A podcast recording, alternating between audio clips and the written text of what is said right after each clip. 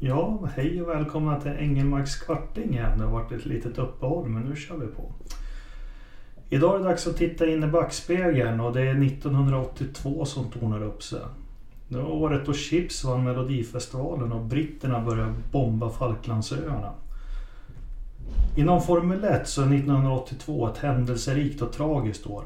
Hela 36 bilar var anmälda. Det var förbud mot kjolar och förväntningarna var höga.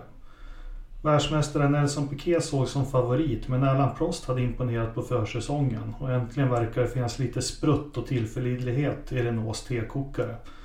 Och röster höjdes att det här året skulle bli en första året då en turbo vinner mästerskapet. Så det var med stor spänning som cirkusen drog iväg till Sydafrika för första loppet på den klassiska Kailami-banan. Inledningen av säsongen satt tonen för resten av året och det började med en strejk. Bråk om superlicenser och orsaken. Men till slut kom man överens om att de två första loppen, och de två första loppen dominerades av Frankrike och Renault. Man tog pole position, snabbaste varv och Alain Prost vann de två första loppen. Dock var det en annan fransman som med facit i hand skulle stå i fokus den här säsongen. Didier Pironi stod i centrum. Under en halv säsong hann han med sånt som ingen annan hinner med på en livstid. Vem var då Didier? Jo, han föddes i Frankrike 1952 och växte upp tillsammans med sin halvbror José. De hade samma pappa, men hans pappa han är faktiskt värd ett eget program då han lyckas skaffa barn med José och Didiers mamma som också var syskon. Tidigt i karriären så tog han, togs han upp i Elfs statliga satsning, vilket 1978 ledde till en styrning hos Kent Röll. Genast så gjorde Didier avtryck och håvade in ett par pallplaceringar under sina två år hos Turell. Detta imponerade så pass mycket att han fick chansen i det helfranska teamet Ligier, eller Ligier kanske de heter, följande säsong. Och denna gång så satt han i en riktigt bra bil. Men som vanligt med fransmän så lyckades de klanta till det. Men en femteplats i VM och sin första seger blev i alla fall facit för den säsongen. Enzo Ferrari fick upp ögonen för fransmännen. Han blev kontrakterad att köra bredvid Gilles Villeneuve. Genast fann de varandra och blev väldigt bra vänner. Men 1981 års Ferrari var allt utom snabb. Men inför säsongen 1982 med ny bil så var förväntningarna höga. Det var under det fjärde loppet 1982 som gick på Imola som Didier gör ett lopp som det han är mest ihågkommen av och det av helt fel anledningar. Helgen startade som vanligt med strejk men den här gången var det de brittiska teamen som bestämde sig för att inte köra. Bara 14 bilar kom till start och det var klart från början att det här loppet skulle stå mellan Renault och Ferrari. Då Renault i vanlig ordning sprängde sina motorer så var det till hemmafansens förtjusning två Ferrari-bilar i topp. Pironi och Villeneuve turades om att vara i ledningen. Varje varv byttes de om i något som såg ut som ett gammalt heligt slipstream-race och omkörningarna skedde hela tiden i tossa. Publiken var vild och in på det sista varvet så var det Villeneuve som ledde. Gilles status i Ferrari hade i och med Pironis intåg i stallet falnat och det ryktas om att han hade ett rykande hett McLaren-kontrakt i fickan redan så här tidigt på säsongen.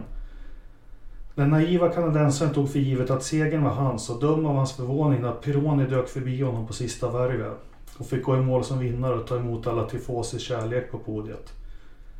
Bilderna från prispallen är klassiska. Den otroligt dåliga stämningen går igenom alla tv-apparater och Jill var utom sig av ilska.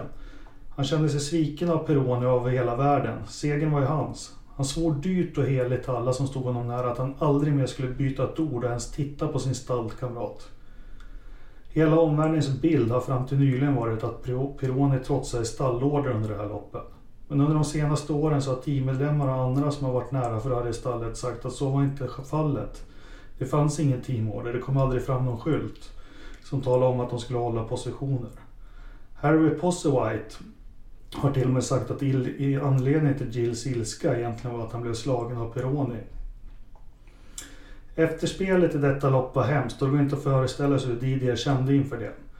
Han var nedslagen av att hängas ut som en osportslig fuskare och försökte desperat få Jills öra för att förklara sig. Men Jill var inte alls på den våglängden. Två veckor senare var det mycket spänt när man kom till Belgien för det nya GP-loppet på Solder. Under kvalet den 7 maj, ja det är den 7 maj idag när ni lyssnar på det här, så visade det sig att Peroni var, snabb, var den snabbare av de två. Legenden säger att Jill körde på ren ilska och besatthet under sitt sista försök på kvaldäck för att försöka slå Perioni, men han räckte, räckte inte riktigt till. Varvet efter, hans avsvalningsvarv, men det fanns ju inga avsvalningsvarv för Jill så han körde i full fart, så kom han ihop i kapp Jochen Mach. Och resten är lika besvärande som kända bilderna då Jill slungas ur bilen och ligger orörlig jämte ett hönsgaller. Gills avled direkt och Didier fick bära huvudet av en bödel från den dagen. Ingen vet egentligen hur Didier kände inför att få bära det ansvaret. Men det måste ha plågat honom något fruktansvärt att aldrig ha fått reda ut missförstånden mellan de två. Under nästkommande lopp såg Didier ut att vara den självklara världsmästaren. Han fick fin ordning på sin bil och sin körning. Tre lopp efter tragedin på Solder så får inte Pironi iväg sin bil från pole position i Kanadas Grand Prix. Stående på startlinjen blir han påkörd av italienaren Ricciardo Paletti som hunnit få upp hög fart från sin sista start, startruta.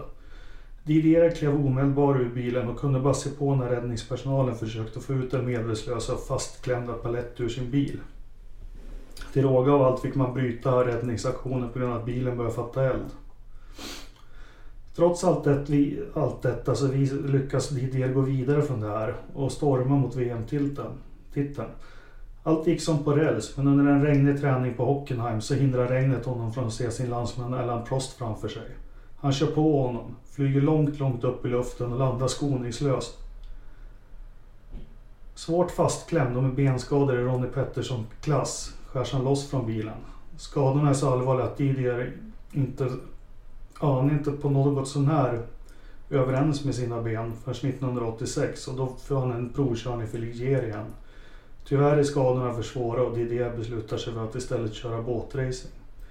Under ett lopp i Storbritannien träffar han en stor våg. Båten slår runt och Didier avlider. Tyvärr gick han i graven med sitt befläktade rykte kring loppet på Imola. Och tyvärr fick han inte den upprättelsen som han förtjänade under sin livstid. Men för de som vill läsa mer så finns det mycket att söka på med nätet. Hur slutade då den här säsongen 1982 kan man fråga sig. Jo, den är lite historisk för oss. För det var faktiskt det året då vi i Sverige fick vår första världsmästare. När den från Solna bördige Erik Rosberg vann VM-titeln i en Williams. Tack för lyssningen.